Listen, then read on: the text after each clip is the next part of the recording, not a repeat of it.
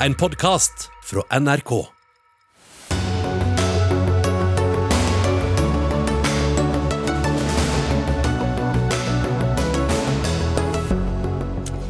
Han holdt ut lenger enn noen trodde var mulig, men i dag måtte Boris Johnson gi seg.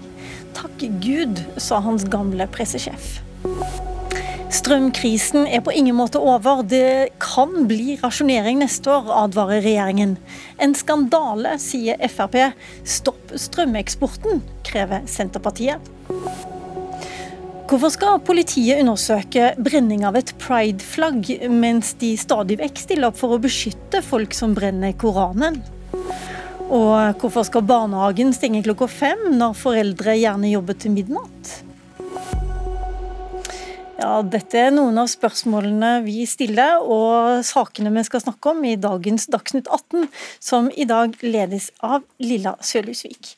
Men eh, vi må jo starte i Storbritannia igjen. For eh, statsminister Boris Johnson varsla i dag at han går av som partileder for de konservative, og det betyr at han også vil trekke seg som statsminister. It is clearly now the will of the Parliamentary that there should be a new leader of that party and therefore a new Prime Minister. And I've agreed with Sir Graham Brady, the chairman of our backbench MPs, that the process of choosing that new leader should begin now. Ja, Over 50 konservative medlemmer av regjeringsapparatet har trukket seg de siste to dagene. Likevel så virka det ikke som om det var noen sånn slagen mann som sto der utenfor Downing Street nummer 10 eh, for å si at han skulle gå av. Eivind Nyborg, du er utenriksmedarbeider her i eh, NRK. Ja, absolutt. Det var jo i alle fall ikke noe som lignet på uh, Theresa Mays avgang, da hun sto og gråt og mistet stemmen da hun måtte holde sin avskjedstale. Men det var en mann som var uh, på hugget, uh, og som ville vise at han fortsatt var ikke, altså ikke en slagen mann. Marie Simonsen, du har vært korrespondent i London en gang, og du er nå kommentator i Dagbladet. Eh, hva tenkte du da du så den eh, avskjedstalen? Jeg tenkte at det var Boris i et nøtteskall. Eh, så jeg var overrasket faktisk over mine britiske kolleger som snakket om at Boris hadde lost it, og at han nærmest var litt ute av balanse. Men han kom jo offensivt ut. Eh, eh, kalte kollegene sine, de som hadde brutt ut, for eh, drevet av flokkmentalitet. snakket om den brutale darwinismen. Og, og kalte det eksentrisk, det de hadde gjort. Og ikke minst minnet han om at det var han alene som hadde vunnet valget. Og Det er jo en fremstilling som en del protesterer på, men det er helt klart at Boris eh, Johnson har rett i at han har personlig en veldig stor popularitet, eller hadde, da. Eh, altså, han snakka om hordene, som du sier, som samla seg mot han, eh, men Øyvind Nyberg, det er ikke lenge siden den samme gruppa han stemte egentlig for ham, og stemte for å beholde han etter et mistillitsforslag. Da overlevde han, og da er spørsmålet hvordan er det egentlig de konservative har opptrådt i dag? Ja, altså Som du sier, så kaller han dem jo en slags saueflokk. Men dette startet jo med helseministeren og finansministerens dramatiske eh, avgang, og så begynte jo snøballen å rulle. Og én ting er jo å kalle det for flokkmentalitet, men det dreier seg jo egentlig om at begeret var blitt fullt. De var eh, blitt eh, lei av å forsvare Boris Johnsons eh, hvite løgner og halvsannheter, enten det gjelder Partygate eller utnevnelser av nye partisekretærer. Men de har altså holdt ut gjennom de første ni livene til Boris Johnson, kan man si. Hvordan har han vært som partileder, Marie Simonsen? Det er jo det som begynner å komme frem nå da, at eh, det har foregått ganske mange grisete ting på bakrommet, og at han dermed ikke har så mange venner igjen fordi at han har oppført seg dårlig på Da har han ikke vært så sjarmerende, for å si det sånn.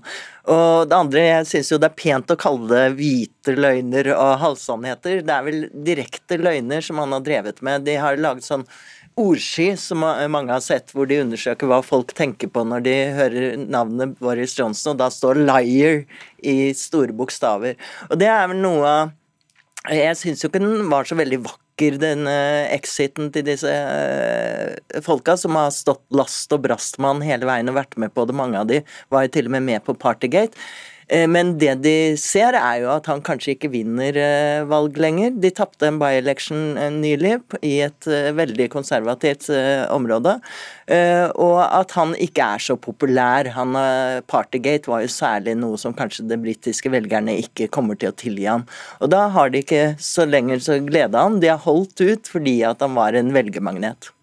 Øyvind Brattberg, velkommen til deg også. Du er førstelektor ved Universitetet i Oslo i statsvitenskap. Eh, hva skjer nå?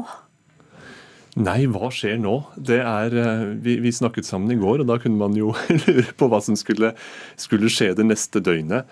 Det har iallfall blitt, eh, blitt, blitt satt et punktum etter en, en veldig kaotisk og, og, og turbulent 48-timers periode. Og det punktumet er satt med Boris Johnsons avgang. Og så vil forhåpentligvis hodene kjølne en, en smule. Det neste formelle som skal skje, er at eh, parlamentsgruppen og dens komité i Det konservative partiet skal legge fram en timeplan for valget av ny partileder, som dermed også blir Storbritannias nye statsminister. Men her ligger det allerede en, en, hund begravet, kan man vel si, fordi det er høyst kontroversielt at Boris Johnson i mellomtiden skal bli sittende som fungerende statsminister.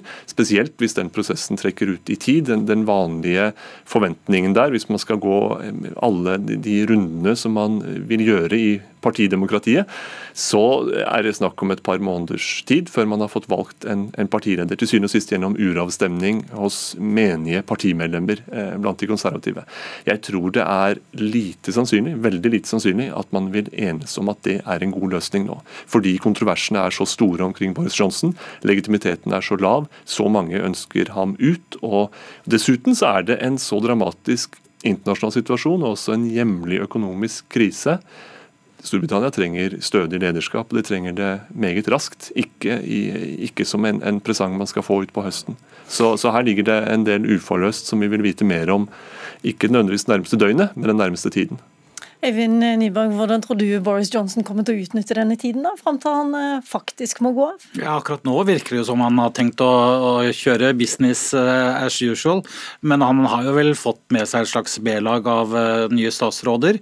Og så er det folk i det konservative partiet som ikke bare har tenkt å ha en slags politisk realityshow med denne utstemmingen av statsministerkandidater som skal foregå, men de de, jobber også for å forsøke å få til en eh, annen løsning enn å ha Boris Johnson i stolen, nemlig å ha en midlertidig statsminister inntil dette valget er gjort, og, og peke på f.eks. Jeremy Hunt, som eh, er visestatsminister nå, og som har sagt selv at han ikke kommer til å stille som statsministerkandidat.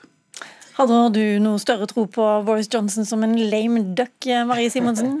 Det, det, sier jo ganske mye at selv hans nærmeste, de som har vært lojale mot ham, sier at han kan ikke sitte der frem til det kommer en ny leder. De vil ha en annen til å ta over midlertidig. Og det er jo fordi de ikke stoler på han. Ikke et sekund. De er redde for hva han kan finne på da. Og det er jo flere som jeg ser i dag har trukket parallellen. Det er jo, han, han, han har jo ofte blitt kalt liksom den europeiske, britiske Trump, og at dette minner litt sånn om Trumps siste dager. Jeg syns kanskje det er litt å trekke det litt langt, men det var jo mange som en stund var redd for at han rett og slett ikke kom til å trekke seg og bare klamre seg fast til 10 eh, Downing Street. Og nå har han, virker det som han har lagt denne planen med å eh, sette på plass en regjering, og at han skal da sitte der kanskje til september, til og med oktober. Dette er jo, dette er jo sårbart også fordi så mange av disse Eh, avgjørelsene som må tas, de er jo tuftet på, på, på, på sunn pragmatisme og, og, gentlemen som finner ut av ting uten at det trenger å, å verken stadfestes eller lovfestes. Så snakker man sammen og finner veier ut. Det er jo eh, fleksibelt, men det er også farlig hvis man står i en situasjon med, med veldig steile fronter og, og en stor eh, stahet og vilje til å tøye de spilleregler som måtte finnes, så, så er det hele litt mer shaky. Så mange vil nok ønske seg en rask vei videre. I parlamentet i går så la jeg merke til en av parlamentarikerne som sa han bare sukka over at det Vi burde ha diskutert viktige ting, men nok en gang ender vi opp med å diskutere Boris Johnson. Hvilke, hvilke viktige ting bør man diskutere i Storbritannia nå? Man har en, en, et kolossalt etterslep i helsevesenet fra, fra pandemien. Man har et, et, gapende underskudd, inflasjon, energikrise, slik vi også kjenner eh, prisvekst og, og, vanskeligheter av. Vi kjenner jo skyggen av det, kan man si, i Norge, men alvoret er mye større i, i Storbritannia. Og så er det uløst eh, problemer knyttet til brexit og, og Nord-Irland. Og dette her er jo, Det var også merkbart i Boris Johnsons eh, korte og fyndige avskjedstale i dag at det er mange av de samme slagordene som han hadde i sin tiltredelsestale om, om, uh, leveling up og unleashing the potential osv. Man skal få fart i sakene. Og dette jobber vi med, men i den grad han har hatt anledning til å jobbe med det, så har han ikke fått utrettet mye av de hjemlige politiske målene som ble lansert den gang. Nyborg. Ja, jeg tror vi nå er i, å, i ferd med å se iallfall slutten på en helt uh, veldig spesiell periode for, uh, i britisk politikk. Uh, det har vært noen helt elleville år knytta til brexit. Han var jo den store nei-generalen som, som med litt sånn kløktig populisme klarte å til slutt trekke Storbritannia ut av EU. Og det er liksom det som vil stå igjen. Men så er det som du sier, at eh, eh, det er en litt underkommunisert, eh, nemlig den dårlige, hvor dårlig det står til i, i økonomien, og også de store problemene de fortsatt har knytta til ettervirkningen av at de har meldt seg ut. Så det er ting som vil komme framover. Mm, men nå sier dere at det, det er satt et punkt om dette er slutten. Men det var jo som sagt også ingen slagen mann der i dag. Jeg ser med en Boris Johnson som kanskje får inspirasjon fra en viss mann over eh, Atlanterhavet. Eh, Marie Simonsen? Jeg kan jo se hvordan det går med de eh, konservative uten, uten Boris Johnson. Det er klart at han har en liten innpass der. Altså, jeg tror jo ikke det, men la oss holde spenningen åpen hvis det går veldig dårlig med dem.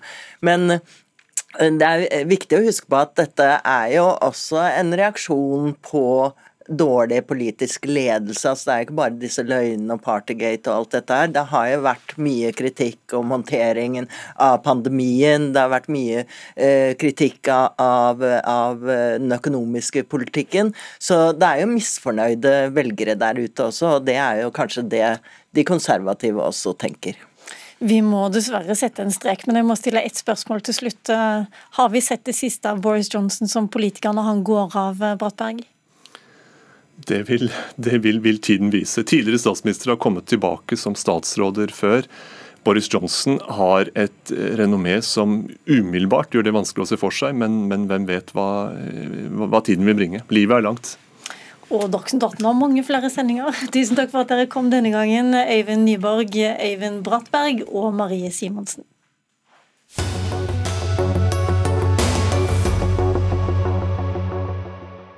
Aldri før i moderne tid har Norge gått til det skritt å rasjonere strømmen, men nå er fyllingsgraden historisk lav i sør, og regjeringen ser på krisetiltak. Og da faktisk har du varsla at eh, du kan ikke se bort ifra rasjonering, Terje Aasland, olje- og energiminister. Hva skal til for at vi kommer så langt? Nei, Det er mye som skal til uh, foreløpig. Vi følger situasjonen veldig nøye nå. Vi er klare til å iverksette ytterligere tiltak for å unngå rasjonering. Eh, så vi er eh, helt klar over at det er eh, en krevende tid akkurat nå, men mye vil vise seg i de nærmeste ukene. Men fortell oss, Hva er grunnen til at dette ordet nå tas i bruk, og at du er ute og advarer? Ja, det, er det er flere ulike ting som har skjedd parallelt. For det første så har det vært lite regn og nedbør, lite snø i fjellet i år. Eh, og vi har hatt en eh, betydelig forsterka usikkerhet gjennom krigen i Ukraina. Eh, og eh, Sånn sett så er det klart at det er mye usikkerhet i de eh, prognosene og det som gjelder nå. Men NVE er ganske tydelig på at får vi en normalsituasjon i fortsettelsen, så er sannsynligheten for rasjonering liten. I tillegg så ønsker regjeringen, og vi har jobba veldig konkret med tiltak som kan iverksettes hvis det blir behov for det. F.eks. dette med å gjøre endringer i manøvreringsreglementet til kraftprodusentene, eller for den saks skyld Stopp der. Ja. Endringer i regulerings... Hva, du, Ja, hva det var du betyr sa? at det, sånn som, sånn som, og det som er det viktige å ta vare på i forhold til vinteren, det er jo magasinkapasiteten, altså vannmagasinene våre. Eh, Og da har eh, kraftprodusentene en, eh, en, en konsesjon innenfor gitte vilkår som de kan disponere de ressursene på. Og Der kan vi eventuelt vurdere å sette inn midlertidige tiltak eller tiltak for å avdempe den fleksibiliteten. Men det er ting som kan iverksettes. Vi kan også, hvis det blir eh, en helt prekær situasjon, iverksette, eh, iverksette eksportrestriksjoner. Men vi er ikke der akkurat nå. Det er viktig at vi følger situasjonen tett, og at vi iverksetter tiltak raskt dersom den situasjonen vi nå har skulle endre seg til mer negativ situasjon. Sylvi Listhaug, partileder i Fremskrittspartiet. Du vil ikke vente på noe tiltak før du kaller det en skandale. Hvorfor det? Er Altså hvis vi kommer i Norge, energinasjonen Norge i en situasjon der vi må rasjonere strømmen, da er det intet mindre enn en skandale. Og Nå hører vi regjeringa igjen, man skal følge situasjonen tett, man skal følge situasjonen veldig nøye. Vel, det har man nå snakka om i månedsvis. Eh, Fremskrittspartiet fremma forslag allerede i november i fjor om at man skulle ta kontroll over eksporten. Eh, For det første at man da skulle sørge for eh, å, ha, passe på vannmagasinene, at ikke de ble tappa ned. At man måtte sette noen standarder for når man kunne eksportere. Vi mente at man burde gå gjennom avtalene som Statnett har for kjøp og salg eh, av, av strøm, altså eksporten vår. Eh, Og at vi også burde se på en eksportavgift som vi da kunne bruke til å sette ned eh, prisen for norske husholdninger.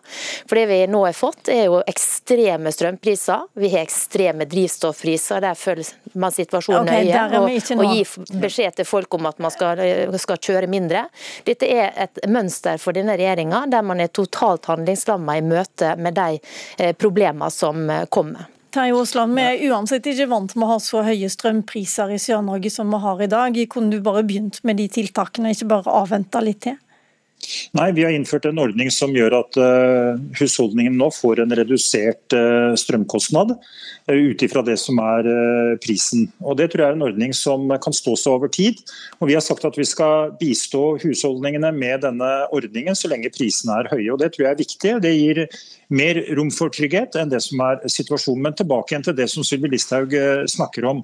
Altså Det å begrense bruken av eh, magasinkapasiteten vannet, der vannet ligger, det ville jo medført at vi hadde fått mindre fleksibilitet og kanskje også raskere kommet i en situasjon hvor eh, det ble en anstrengt situasjon. Så det å gjøre tiltak, riktige tiltak til riktig tid er ganske vesentlig, og det glemmer Sylvi Listhaug litt. Vi følger dette nøye, og fagmyndigheten NVE, som følger dette, eh, sier at ikke det er behov for tiltak nå, og tror at sannsynligheten for rasjonering er lite. I tillegg til det så er jeg veldig tydelig på at vi vil raskt iverksette konkrete tiltak dersom de vurderingene som NVE nå har gjort, skulle endres. Og Da kan vi legge til dette med midlertidige begrensninger på bruken av magasindisponeringa til kraftprodusentene, og vi kan legge på eksportrestriksjoner. Okay. Så vi er absolutt forberedt til å gjøre tiltak hvis det viser seg at det er nødvendig. Sylvi Listhaug, det er ikke, vi er langt unna rasjonering nå. og Hvis vi får en normal eh, høst, så blir, kommer vi ikke der heller. Ja, men det er jo ingen av oss politikere som styrer vær og vind. Og det å sitte og håpe på at det skal komme regn og, og, og liksom gamble på det, pluss at vi da fra EUs side sa senest her om dagen at eh, man kan komme i en situasjon der EU skrur av gassen til Europa, som igjen vil gi problem. Men det er jo ikke vi som sier dette her nå. Det er Statnett som har sendt eh, brev til landets kraftprodusenter med et varsku om det som nå skjer. At man er bekymra for magasiner, at man er bekymra for den eksporten som går. Og Måten disse eh, da har svart på det med, er jo å skru opp eh, eksporten enda mer. Man satte altså rekord i juni. etter at Statnett hadde advart mot det. Okay, og Regjeringa sitter der og ikke gjør noen ting, og det bekymrer Fremskrittspartiet. Og vi kommer ikke til å, å sitte og se på at, at dette skjer uten å har tett dialog, med, vi har tett dialog med produsentene, og de sier at de har, eh, har stoppa bruken av tilnærma stoppa bruken av den regulerbare vannkrafta vår. og Det er viktig at de opprettholder det, fordi det er en del av samfunnsansvaret til kraftprodusentene. Så kan mye av årsaken til det vi nå ser i de siste ukene, ha sammenheng med at det er nå snøsmeltinga foregår, og at det er mye elvekraftverk også i Norge, som gjør at det blir et overskudd av kraftproduksjonen i disse tider. Kraft som en ikke får spart. Okay, Så Det er liksom utgangspunktet på det. Eh, jeg må ha en tredjemann i denne debatten. for eh, Pga. disse rekordlave nivåene i vannmagasinene, så har altså stortingsgruppa i Senterpartiet i dag eh, gått ut med krav om å stanse strømeksporten til Norge. Og så vil dere pålegge selskapene å spare på vannet. Geir Pollestad, parlamentarisk nestleder i Senterpartiet. Stoler du ikke på at din egen regjering ordner opp her? Dette er et uttrykk for at vi i Senterpartiet er veldig opptatt av beredskapen. Vi er opptatt av strøm, at vi skal ha nok strøm. Så vi har gitt et varsel ut nå. Og Det handler jo om at eh, kraftselskapene ikke skal produsere den eh, regulerbare krafta nå, i en situasjon når fyllingen-skaden er så eh, låg. Og Når jeg hører på energiministeren nå som sier at det ikke blir produsert av denne type energi, så er det et viktig signal. Men vi vil òg mene at kommuner og fylker som eier kraftselskaper, må stille krav til sine selskap om at en i en situasjon med så lav fyllingsgrad ikke produserer for eh, eksport, men at en holder igjen til vinteren. For Det er det, det som betyr at det er ganske mange kommuner og fylkeskommuner kommer til å tape penger. De, de får ikke lov til å selge den kraften til utlandet. Kraftselskapet har tjent svært gode penger i denne eh, perioden. De har høye inntekter. Men de har ikke bare et oppdrag med å tjene penger til sine eiere og sikre folket strøm, men de har også et beredskapsansvar. og Det er det vi peker på, det er det vi er opptatt av. Og Det sier du også til dine egne Senterpartiordførere? Det gjelder alle, samme hva partiene er fra, samme hvem som egentlig sitter i, i regjering. Men vi har en regjering som har sagt at billig og nok strøm eh, er et politisk mål. Eh, og Det er jo det vi jobber ut ifra. Og så er vi i en veldig krevende situasjon. Eh, og så har vi en utålmodighet i Senterpartiet. Derfor har vi etterlyst dette. Og vi vil følge saken videre og også ha en forventning om at det skjer noe. La oss høre da, Mette Aasland. Hva hindrer deg i å si fra til kommunene, fylkeskommunene, alle kraftselskapene? Nå stopper dere å fylle magasinene. Nei, jo, Vi må ikke stoppe å fylle magasinene, tvert om altså, vi må fylle de. Men opp og, og det, ut. Mm. det har jo vi sagt nå i flere uker, eh, og understreka det. Eh, og Derfor så sier jeg hvis ikke det virker, hvis ikke de tar de signalene på største alvor, så vil vi iverksette ytterligere tiltak for å ikke komme i en rasjoneringssituasjon. Hva snakker du om da, Aasland? Ytterligere tiltak? Du har sagt Nei, det, er... det pent og du har sagt det ganske strengt nå. Eh, hvis ikke de hører på deg, hva gjør du da? Nei, Da kan det bli uh, veldig fort uh, uh, endringer i hvordan de kan bruke magasinene sine, altså vannkraftreservene. Og det kan også bli betydelige eksportinnskrenkinger. Så Det er forhold vi er forberedt til å gjennomføre. Men sånn som situasjonen blir analysert nå av den fagmyndigheten som sitter med best oversikt, best kontroll på dette, er at dette ikke er nødvendig nå.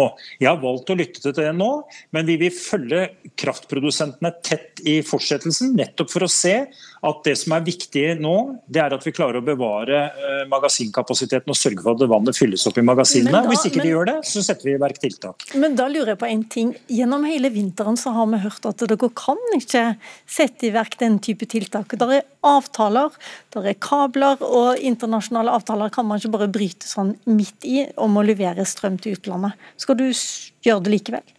Ja, Hvis vi er i en situasjon hvor dette handler om, eh, om eh, samfunnssikkerheten, tryggheten osv., så, videre, så er det klart at vi kan sette i verk eh, sånne typer tiltak.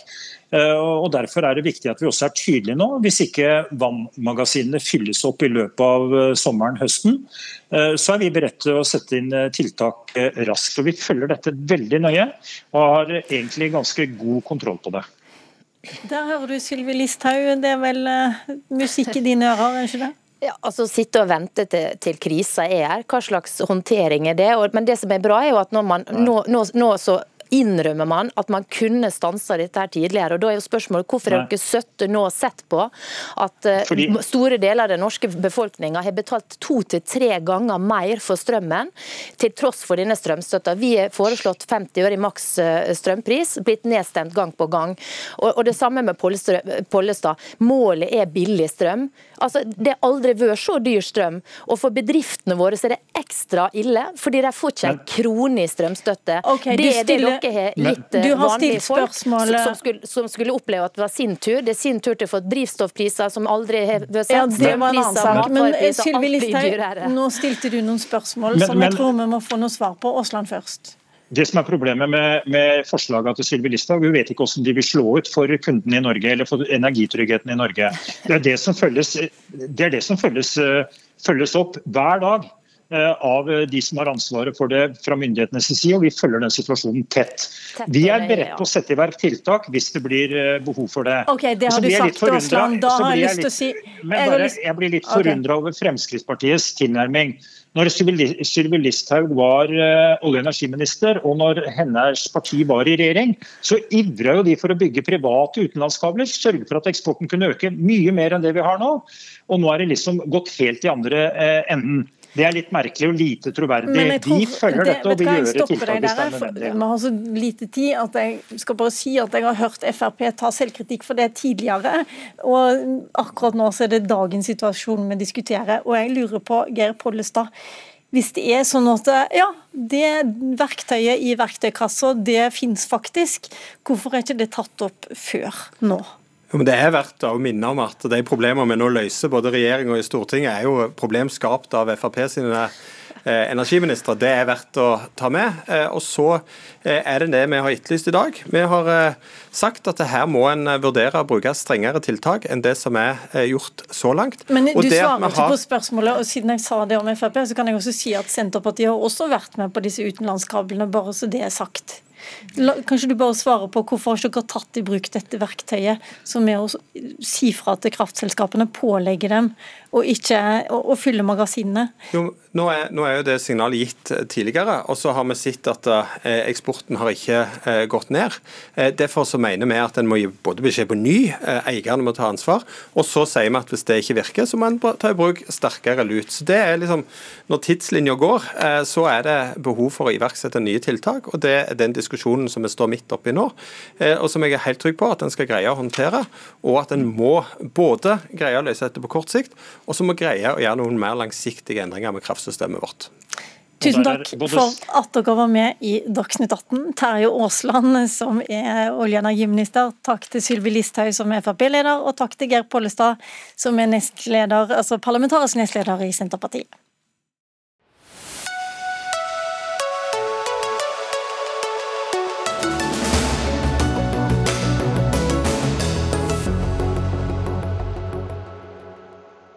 Skal du få høre hva dyrevernorganisasjonen NOAH syns om at de har vunnet en viktig ulvesak i lagmannsretten. Og vi skal høre hvorfor det å brenne Koranen ikke er helt det samme som å brenne et prideflagg. I hvert fall virker det ikke som om politiet syns det. Men nå skal vi komme til tidenes mest byfiendtlige regjering. I hvert fall så er det, det merke, den merkelappen Venstre har satt, og det er altså dagens regjering dere henger den på. Hva er det de har gjort som fortjener en sånn historisk posisjon, Sveinung Rotevatn, nestleder i Venstre? Det er jo flere ting en kunne nevnt. At de har stoppa den viktige rusreforma f.eks. Eller de angrepene vi nå ser på forskning og høyere utdanningssektoren, som er særlig viktig i mange av byene våre.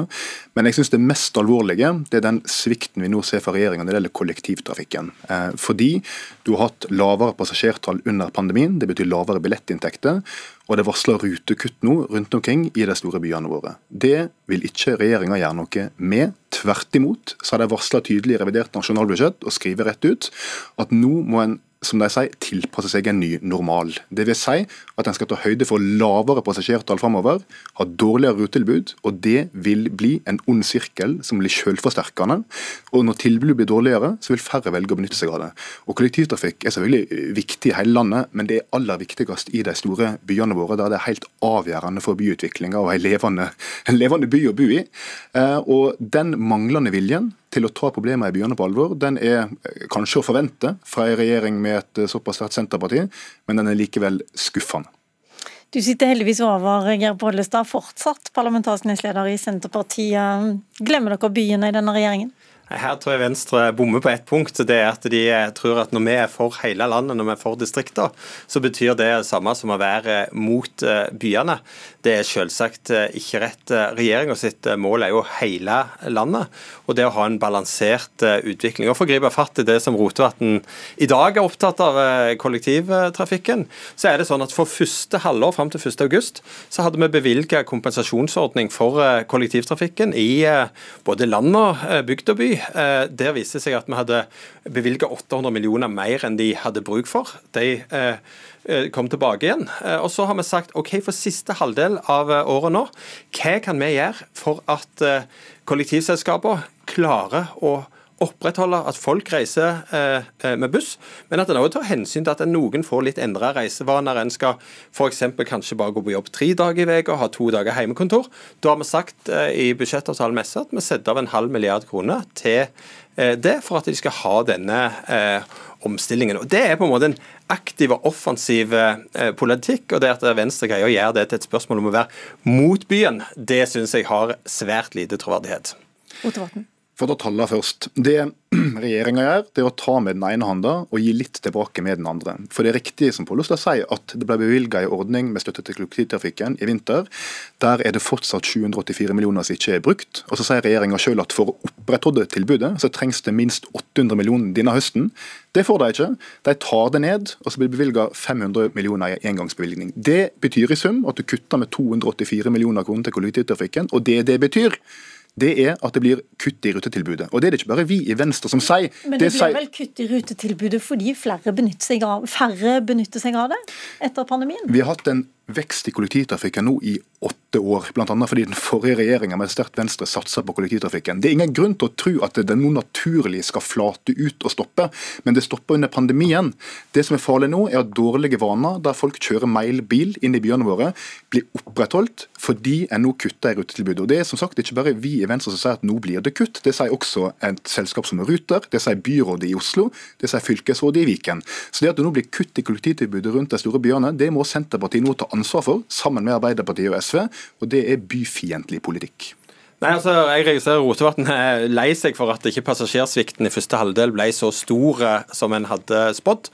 Jeg er kjempeglad for det, at vi greide å få folk på bussen, at vi greide å opprettholde eh, billettinntektene. Og så skal vi sørge for og jobbe for at folk begynner å ta kollektiv igjen når de skal på jobb, når de skal ut på aktivitet, enten det er i Oslo eller om det er i, Distrikts-Norge. For vi trenger Men det hadde jo hjulpet da at du ikke kutter ned på rutetilbudet? Nei, Vi har ikke kutta ned på rutetilbudet. Vi har sagt at vi skal gi en eh, halv milliard kroner som ruteselskapene kan bruke eh, til tiltak for å få eh, nye reisevaner, nye billetttyper, eh, få folk tilbake igjen på, på bussen. Og så er det nok å være på en buss, så ser du at det, alle koronarestriksjoner er opphevet. Det kan være at en kan drømme om koronatiltak inn i evigheten. Vi er opptatt av å bli ferdig med det, at vi skal tilbake til en normal situasjon. At folk skal reise kollektivt, og at fylkene skal få en normal finansiering av det. Sånn at en kan fortsette å bygge ut en positiv vekst på eh, kollektiv, enten det er i Stavanger, eller i Bergen, eller Trondheim, eller Oslo, eller i distrikter. Men altså, For å fortjene en sånn merkelapp som historisk byfiendtlig Rotevatn, så må du ha flere eksempler enn akkurat dette med kollektivtransport. Jeg ser du har bl.a. trukket fram kutt i offentlige bygg. Ja, det er én ting en ser. at Nå eh, har regjeringa varsla eh, kutt på ulike viktige satsinger, bl.a. innenfor høyere utdanningssektoren. Eh, Ocean Space Center, som de vil kutte i Trondheim, rasende reaksjoner fra den byen på. Ble de heldigvis tvunget til en retrett. Skal kutte i Vikingskipmuseet i Oslo, der de fortsatt står fast ved at det må det kuttes i. Men der har de også fått penger tilbake. Snakker du egentlig om ting som er reparert nå, i forbindelse med nei, det reviderte budsjettet? Nei, det er veldig mange ting som ikke er reparert. Og det er noen ting de blir pressa i retrett på. Det er selvfølgelig positivt. Men det er klart hva den regjeringa vil, er jo helt tydelig. Men det er flere ting òg. Eh, rusreformen er en kjempeviktig reform, særlig i byene. Den debatten har vi tatt mange ganger her. La oss ta de byggene først. Eh, Pollestad, det virker som om eh, store bygg i eh, store byer ikke akkurat er prioritet fra Senterpartiet? Jeg tror For folk som bor i byen, i Trondheim, eller Oslo, eller Bergen eller Stavanger, så tror jeg liksom at målet at en skal ha kostbare eh, offentlige byggeprosjekt, ikke er et mål i seg selv. Jeg tror ikke livskvaliteten i Oslo blir noe dårligere om vi eh, sparer noen hundre millioner på et vikingmuseum, eller om vi bygger eh, regjeringskvartalet noen milliarder. Eh, rimeligere. Det som betyr noe for folk i byen og på bygda, er at vi gjør positive, offensive grep som treffer de i hverdagen. Om det er gratis SFO for førsteklassinger, redusert betaling i barnehage. Den type tiltak som utjevner sosiale forskjeller, er mye viktigere for kvaliteten i byene enn at vi sier at nå må vi se kan vi gjøre campusplanene på NTNU noe rimeligere. Det har vi greid. Vi har sagt at vi skal bygge regjeringskvartalet billigere. Det må vi gjøre. Vi ser litt på Ocean Space Center. Det ble protester. Vi gjorde en justering, men det blir realisert. og Det ligger til grunn. Men det må ikke være sånn at kvaliteten på en god bypolitikk er helst å overskride offentlige byggeprosjekt og bygge dyrere enn en må.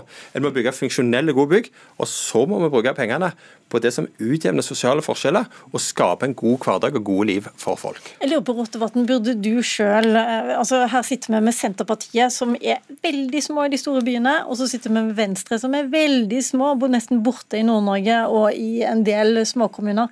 Burde du fokusere litt mer på hvordan Venstre skal bli større på bygda, framfor hvordan Senterpartiet skal bli bedre på i byene?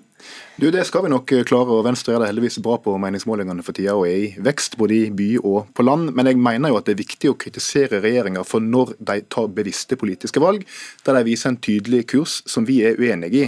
Og Det de nå gjør mot de store byene våre, mener jeg er verdt å påpeke og kritisere. Og det er ikke sånn som Pollestad sier at det bare trenger å handle om pengebruk. Det er selvsagt ikke et mål å bruke mest mulig penger på alt mulig. Først og fremst må byene klare å utvikle seg sjøl, men det får de heller ikke muligheten til når f.eks. da går inn og skal tvangsoppløse en kommune som Kristiansand, ikke sant, så får rasende protester i retur. Men der sier regjeringa at nei, vi bryr oss ikke om hva bystyret i Kristiansand måtte mene. Her skal vi dele opp kommunen deres i mindre kommuner. Det gir mindre muligheter til utvikling i den byen, som er den viktigste på Sørlandet. Så jeg mener at nå ser du en tydelig linje her. For Venstre sin del så mener jeg at det er viktig å satse på de store byene våre, der det bor mye folk. Og det er en av mange grunner til at vi trenger et regjeringsskifte. Ok, og Før den tid så skal vi i hvert fall ha en kommunevalgkamp, og jeg regner med dere er tilbake igjen lenge før det. Tusen takk, Sveinung Rotevatn fra Venstre og Geir Pollestad fra, fra Senterpartiet.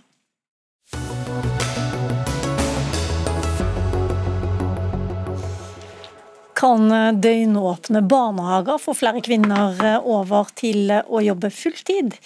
Det er et av spørsmålene som venstrekvinnene stiller seg. I dag er det dobbelt så mange kvinner som menn som jobber deltid, og Venstre Kvinnelaget mener åpningstiden i barnehagen begrenser kvinner fra å delta aktivt i arbeidslivet. Og Solveig Schytz, du er altså leder av Venstre Kvinnelaget. I Dagsavisen så åpner du for døgnåpne barnehager. Det er vel en grunn til at det aldri har blitt noe av her i landet. Hvorfor trenger vi det? Eh, barnehagen den skal ha høy kvalitet og skal ha et godt eh, sosialpedagogisk tilbud for barna. Eh, vi har ikke foreslått døgnåpne barnehager, men vi har foreslått at vi må diskutere et supplerende tilbud, et tillegg til dagens barnehagetilbud. Fordi vi ser at okay. det er mange som ikke jobber med hva, hva betyr det, supplerende tilbud? Oppe til åtte, da, eller hva er, hva er opplegget? alle kan ikke jobbe mellom klokka åtte og klokka 16. Vi har mange som jobber turnus, vi har mange som jobber tidlig morgen eller sent om kvelden, eller som jobber natt. Og for barn som har foreldre som ikke jobber mellom klokka åtte og klokka 4, eh, så er det kanskje ofte litt for tilfeldig hvilket tilbud de får. Noen passes av besteforeldre eller av venner. Eh, litt større barn er kanskje ofte alene hjemme, og vi vet egentlig altfor lite om hvordan disse barna har det.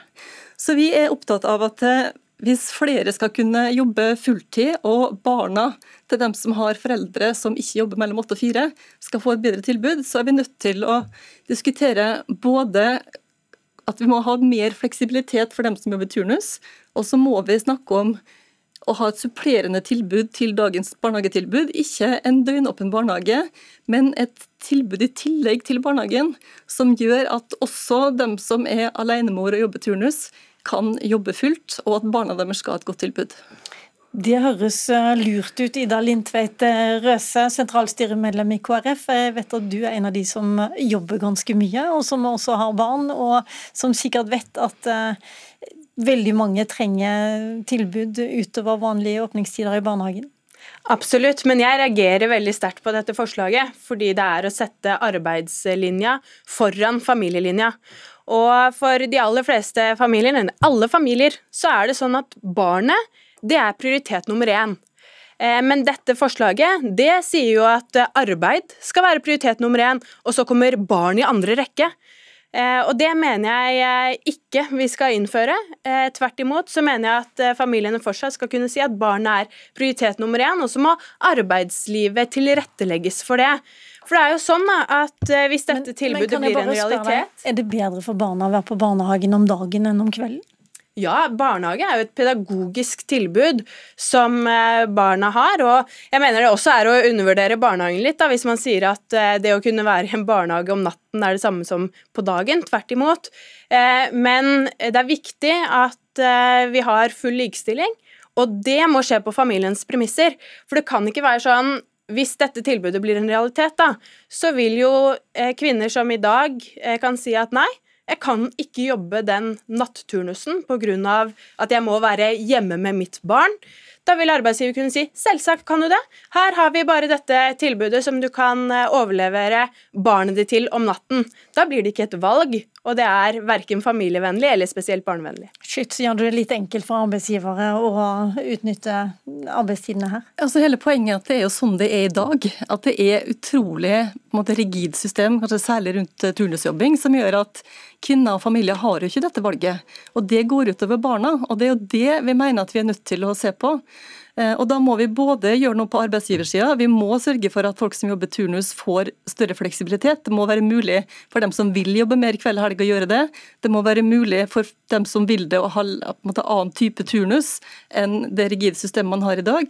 Vi må ha mer fleksibilitet på den sida, men så må vi også ha et tilleggstilbud for barna. fordi at eh, Dette rammer jo aller hardest de aller mest sårbare barna og de aller mest sårbare familiene. Dette handler ikke om å sette barna i andre rekke, tvert imot. Dette handler om at vi vil at barna skal få et bedre tilbud, og at særlig de sårbare barna skal ha et bedre tilbud enn de har i dag. Røse.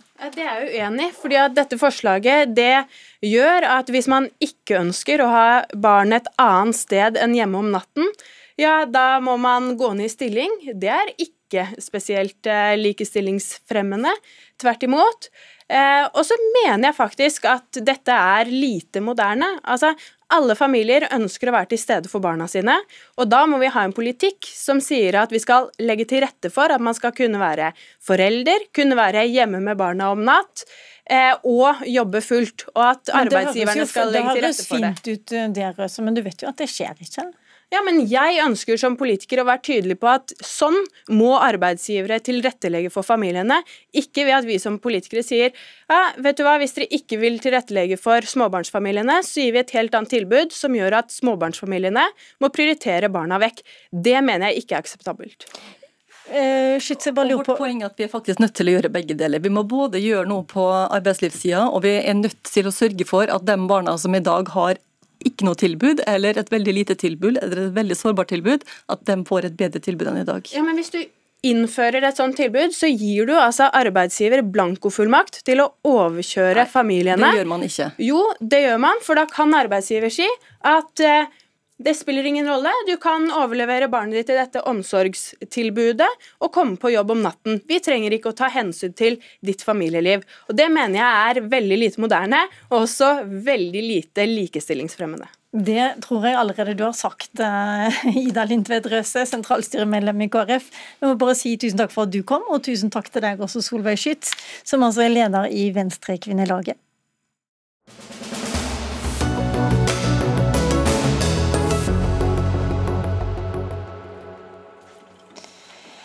En eh, drøy uke etter eh, masseskytingen foran London pub i Oslo, fant en tilfeldig forbipasserende et brennende regnbueflagg like ved en bussholdeplass. Politiet er nå i ferd med å undersøke om saken skal etterforskes som en hatefull ytring. Dette har fått flere til å spørre seg om hvorfor ikke koranbrenning skal etterforskes på de samme premissene. Og du er en av dem, eh, Mahmoud Farahmand. Du er stortingsrepresentant for eh, Høyre. Hva er det du mener er problematisk her? Nei, altså Debatten starta som du var inne på, på likestilling av de to handlingene. Eh, jeg er ikke for å straffeforfølge noen av de handlingene. Samtidig så eh, reagerer jeg jo på at man på sett og vis eh, vurderer den ene og straffeforfølger den ene. Det som jeg er bekymra for også i den sammenhengen her, er hvordan man ved å begynne på denne stien etter hvert kan bidra til å innskrenke ytringsfriheten. Eh, og så er det jo slik at eh, Straffeutmåling er en av de hardeste tiltakene staten har tilgjengelig, og det må forbeholdes de mest alvorlige kriminelle handlingene. altså. Hva er det du frykter skal bli konsekvensene, da, dersom det er etterforskes som hatkriminalitet, mens eh, Nei, politiet det, det... faktisk er ute og, og beskytter de som brenner Koranen? Ja, altså jeg tror det, Den eh, koranbrenninga, at politiet beskytter de, er jo fordi vi har ytringsfrihet og forsamlingsfrihet, og det skal vi holde ved. Eh, det som kan være konsekvensene av at man kommer til en konklusjon at eh, brenning av prideflagg skal, skal straffeforfølges eller etterforskes, er jo at man etter hvert blir nødt til å innskrenke ytringsfriheten for hvert steg man, man tar. Og så er det dette med reaksjonene som er der ute. Altså Det er vanskelig å, å kommunisere dette klart til, til de altså vanlige borgere der ute dette. Selv, selv, jeg som sitter på Stortinget sliter med å forstå alle sammenhengene her. Eh, og Dermed så er det også kanskje viktig å påpeke at kommunikasjon av det man gjør her, er svært viktig. Det skal vi prøve å hjelpe litt til. Kai Spurkeland, velkommen. Du er politiadvokat i Oslo politidistrikt. Eh, og jeg lurer på, hva er det som gjør at politiet i Oslo bruker tid på et brennende flagg som ligger på gata i eh, Oslo, mens dere faktisk beskytter folk som brenner en koran? Da tror jeg først på jeg må skuffe de som hadde håpet på en eh, forrykende debatt mellom eh, meg og Farahman om eh, brenning av flagg og bøker, for her er vi enige om det aller meste. Ehm, så har nok dette kommet, Det politiet har gjort denne saken, framstår nok litt annerledes utad enn, enn sånn det ser ut innenfra politiets side. Som jeg sier meg helt enig med Farman, dette er, det er krevende materie. Også for oss i politiet som jobber med dette. og Det handler om at det å straffe noen for ytringer det er en krevende balanse mellom veldig grunnleggende og viktige hensyn. Vi har på den ene siden ytringsfrihet, og ofte i kombinasjon med forsamlingsfriheten. Og skal det veies mot andre viktige hensyn. Eh, religionsfrihet, eh, minoritetsvern og ikke minst den alminnelige samfunnstryggheten. Så det er en krevende balanse som det er politiets oppgave å gjøre eh, den balanseøvelsen. Men, men før du går litt videre, kanskje du forklarer meg hvorfor undersøker dere den første meldingen eh, til eh, Avisa Oslo, tror jeg jeg leste det. Det var at Oslo-politiet undersøker og etterforsker den brenningen av det pride-flagget for å vurdere om det var en hatefull ytring. Ja, Jeg kan rydde litt opp i det. fordi bare For å avkrefte det, den saken med dette flagget som er funnet, den etterforskes ikke nå på noen måte. Men vi gjør en vurdering av om det skal iverksettes etterforskning. Og Det er noe man gjør i mange saker hvor det er usikkerhet om det er grunnlag for det. Eh, og I denne saken så kan vi tenke oss tre ulike utfall.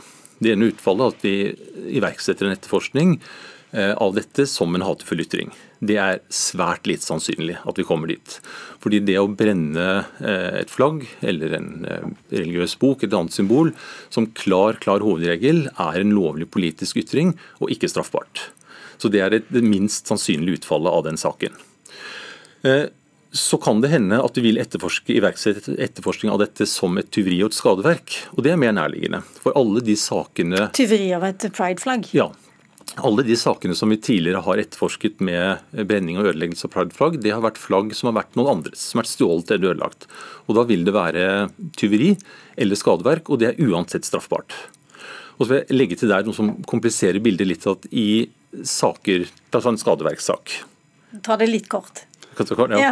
Hvis grunnen til at du har gjort skadeverket, altså motivasjonen for det, er, handler om, eh, om eh, disse vernede grunnlagene, f.eks. hudfarge, religion, så kan det regnes som hatkriminalitet. Det er et straffbart skadeverk, men det skadeverket regnes som hatkriminalitet fordi det er motivert av f.eks. religion eller hudfarge. Da lurer jeg på, Farahman, er du litt mer beroliget? Det var vel også naturlig at politiet etter skytingen i Oslo så nøye på brenning av prideflagg? Ja, altså du er inne på noe som er interessant, og det er litt tilbake til mitt eget uh, si, yrkesgruppe, altså politikere. Uh, vi gir jo klare signaler til politiet, både direkte og indirekte, på hva, vi, hva vi, forventer av dem. Og jeg uh, tenkte umiddelbart når den saken kom opp, at her har man hva skal man si, grepet av øyeblikket og, og kampens hete og har tatt en beslutning. Og så er det beroligende og for så vidt veldig godt å høre at politiet har på en måte en, en, en, gjennomfører en viss forvurdering her. og det skulle bare bare mangle. Samtidig så, er det jo slik at vi, vi, lever i et samfunn der eh, minoriteter av diverse slag eh, er til stede. Eh, og min bekymring også oppi alt dette her, blir jo hvorvidt reaksjonene der ute, dersom vi kommer til den konklusjonen, noe som eh, man avkrefter her, da, men, dersom man skulle komme til en konklusjon at pride-flaggbrenning har en annen vurdering bak seg enn en brenning av Koranen. Jeg ser jo allerede nå reaksjonene der ute i samfunnet blant den muslimske minoriteten retten. Men som jeg sa innledningsvis, jeg personlig er ikke for å straffeforfølge noen av disse handlingene. Det sa du, Farman. Jeg bare lurer på, jeg må spørre deg, Spurkland. Kan det ikke være at brenning av koranflagg også har eh, grobunn i hatefulle ytringer? At det er noen dårlige intensjoner som ligger bak der, som kanskje kan undersøkes av og til? Jo, eh, da, men da må vi skille mellom hva du tenner på. Så Hvis noen tenner på noen andres koran, så vil det være straffbart skadeverk og det kan være motivert av hat mot muslimer. Og da vil det være hatkriminalitet som politiet plikter å etterforske. Men tenner du på din egen koran, som er det Sian gjør, så er bare spørsmålet er dette en ytring som er straffbar, og svaret på det er nei. Og Det samme vil det være hvis du tenner på et prideflagg. Men tenner du på skolens prideflagg, eller kommunens prideflagg, som er de sakene vi så langt har hatt, så er det et skadeverk. Og hvis det er motivert av religion, så kan det være et skadeverk som også er hatkriminalitet. Og da plikter politiet å prioritere det. Ligger dere eh, nærme en avslutning i etterforskningen? Eh, det, det, er ikke jeg. Jeg har, har ikke noe ansvar for å etterforske det, så jeg kan ikke svare på det. Men um, hvis vi ikke får inn nye opplysninger, så regner jeg med at den vil bli avgjort uh, om man skal iverksette etterforskning forholdsvis snart. Ok, Vi ble litt klokere på hva som var lov og ikke lov her. Tusen takk for at du kom, Kai Spurkland fra Oslo-politiet, og tusen takk til deg, Mahmoud Farahmand fra Høyre på Stortinget.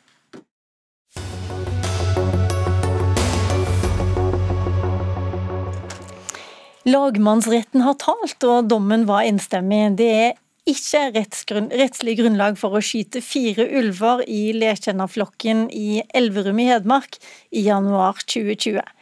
Gårsdagens dom i lagmannsretten sier altså det samme som tingretten kom fram til for ett år siden. Og Det betyr, Siri Martinsen, leder i NOAH, eh, at eh, dere som gikk til sak, har vunnet to ganger i retten. Og hvor mye betyr det for dere?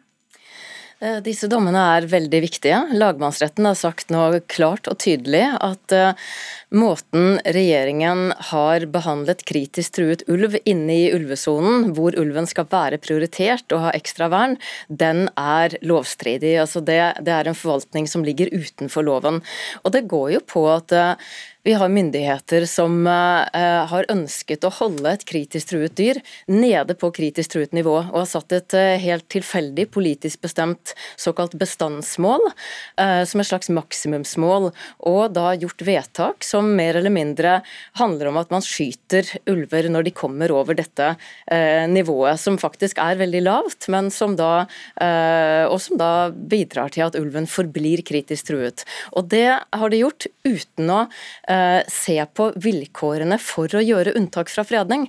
Fordi det er som om man ikke husker på at eh, hovedformålet med Bernkonvensjonen og naturmangfoldloven er jo å frede truede dyr, slik at de slipper å være truet i fremtiden. Det er jo å verne natur og truede arter. Men i Norge har man da gjort motsatt når det gjelder ulven. Det er altså nesten 50 år siden ulven ble freda i Norge, og felling er i utgangspunktet straffbart. Alexander Øren Heen, du er statssekretær i Klima- og miljødepartementet, representerer Senterpartiet, bare så det også er sagt. Dere holdt dere altså ikke innenfor loven, uh, ifølge lagmannsretten og tingretten. Hva gjør dere nå?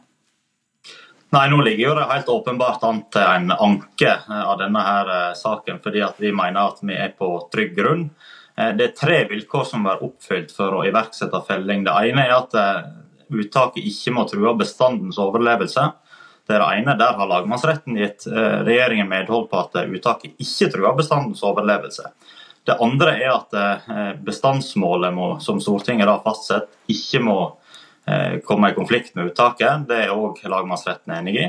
Og Det tredje vilkåret som eh, vi har valgt at må være oppfylt, da, for det er flere vilkår som kan ligge til grunn, det er at det må være eh, vesentlige samfunnsmessige interesser som, som, ligger til grunn for felling. Og Regjeringen har meint at Stortinget sitt bestandsmål er en vesentlig samfunnsmessig interesse, og at det tilsier at en skal iverksette felling. Men der har altså... lagmannsretten vært litt uenig. Eh, og det kommer vi til å anke på. Men eh, jeg må bare presisere at både lagmannsretten og tingretten har vært uenige. Blant annet så sier de at eh, når dere tar hensyn til konfliktdemping, så holder ikke det. Det må være litt mer spesifikke grunner enn at noen er redde for ulv for å felle ulv inne i ulvesonen. Og det kommer dere vel ikke bort ifra? Nei, Det er flere ting som jeg mener er vesentlige samfunnsmessige interesser her. Det er ikke bare det at folk er redd for ulv, men det er òg hensynet til de som driver næring i utmark i dette området. Og det er som sagt Stortinget som har gjort en del interesseavveininger når en fastsetter et bestandsmål på fire til seks ynglinger. og det mener jeg at må være førende for forvaltningen. og Det har jo Stortinget òg i ettertid presisert med at eh, en la inn i eh, naturmangfoldloven at det skulle vektes inn Stortingets bestandsmål. Det har lagmannsretten nå valgt å, overse og sagt at det betyr ingenting. Det syns jeg er veldig rart. Okay. Så Det ønsker vi jo gjerne at Høyesterett tar en kikk på, for Stortinget må selvsagt regnes som en samfunnsmessig betydelig interesse. Siri altså- Martinsen, det blir omkamp her. Ehm, ja, men først må jeg jo faktisk si at det virker som Heen ikke har lest dommen. Eh, det virker også som Heen ikke har lest naturmangfoldloven. For disse tre vilkårene som han vitterlig skulle sitere, de var ikke korrekte. Det ene er bestandens overlevelse. Det har ikke NOAH bestridt. Vi valgte å fokusere på de to andre, som ikke ble gjengitt riktig av Heen. De to andre vilkårene for å gjøre unntak fra totalfredning, det er at det skal være eh, vesentlige eh, samfunnsmessige interesser som overskygger verneinteressene. Og verneinteressene skal altså ha høyere vekt i sonen. Her er lagmannsretten helt klinkende klar. Eh, det må være at eh, de vesentlig overskygger verneinteressene, hvilket de ikke gjør i denne konkrete saken. Eh, det tredje vilkåret, som regjeringen ikke forholder seg til det hele tatt, det er at det ikke skal være noen andre mulige løsninger for eventuelle problemer som man finner ved en konkret ulveflokk. Eh, dette vilkåret kom heller ikke retten inn på, fordi de ikke trengte det. Nettopp fordi okay. at det ikke var noe problem å løse. Det var ikke noe problem ved disse ulvene. Og dermed så er det altså eh, brudd på loven og brudd på paragraf 18 c. Eh, okay. og, uh, Paragrafene de, de former ikke med oss. Men Hen, hva sier du til dette? Nei, jeg mener Det vesentlige her er at eh, når Stortinget med et bredt flertall har sagt hvor mange ulv vi skal ha, også innenfor et definert forvaltningsområde for ulv som blir omkalt som, eh, som ulvesona, så er det vesentlig interesse. Og Stortinget men, har jo gjort Men hva gjør du når retten faktisk sier noe annet igjen? to rettsinstanser har sagt noe annet. Ja, men Vi er uenige i det, så det er jo ikke en rettskraftig dom for eventuelt Høyesterett har gjort noe med det. Eh, Hva betyr det egentlig? Det betyr at eh, man kommer til å skyte ulv på samme måte i sesongen som kommer? Ja, Vi kommer til å legge den forvaltningspraksisen som er veldig grundig og god, og som er retta mot uh, bestemte individ som man har kontroll på, og som òg retten konkluderer med at det ikke truer bestandens overlevelse. Okay. Og Det er jo noe NOAH gang på gang framhever. Ikke på den måten du sier, for NOAH bestred ikke det i saken. Dermed går ikke retten inn på det. Men faktum her er at regjeringen viser disrespekt for domstolen. To rettsinstanser har nå sagt at man kan ikke bruke naturmangfoldloven på den måten dere gjør, uh, uten at den faktisk brytes, og at man dermed også bryter Bernkonvensjonen. Uh, denne dommen er også veldig klar og tydelig på at hvis man ønsker å holde et kritisk truet dyr nede på kritisk truet nivå, ja, da er man faktisk nødt til å trekke seg ut av Bernkonvensjonen. Kan det være aktuelt hen, at man eh, rett og slett trekker seg ut av Bernkonvensjonen? Nei, Jeg forholder meg at Stortinget og Norge sin implementering av Bernkonvensjonen er naturmangfoldloven. Og når en fastsetter bestandsmålene for ulv, eh, så gjorde en de avveiningene i Stortinget. Så jeg mener det ikke er i tvil med det. Eh, Bestandsmålene har ingen eh, hjemmel i verken naturmangfoldloven eller, eller i Bernkonvensjonen. Og dette føler jeg blir en juridisk diskusjon som jeg ikke helt har kompetanse til å lede, men jeg lurer litt på hen. Hvis dere taper i Høyesterett også, da, hva skjer da? Nei, Da er det jo naturlig at vi må gå tilbake til Stortinget, for da har jo ikke vi de virkemidlene som, er til å forvalte, slik Stortinget har sagt. Så da må vi jo be Stortinget på nytt se på lovverket her og gi nødvendige heimler, sånn at vi kan forvalte ulvestammen i Norge i tråd med de føringene som ligger fra Stortinget. og Det er viktig for å dempe de konfliktene som denne ulven faktum er at vi har underskrevet Bernkonvensjonen. Vi har sagt vi skal verne kritisk truet ulv. Det dere ønsker, er å gjøre det motsatte. Eh, retten har nå sagt at eh, da må dere handle annerledes hvis man vil fortsette å være underskrevet Bernkonvensjonen. Og det var det vi rakk faktisk i den debatten og i denne sendingen. Eh, tusen takk for at du kom, Siri Martinsen, leder i NOAH, og Alexander Øren Heen, som er statssekretær. Eh, sekretær. Mitt navn er Lilla Svedhusvik. Takk for oss.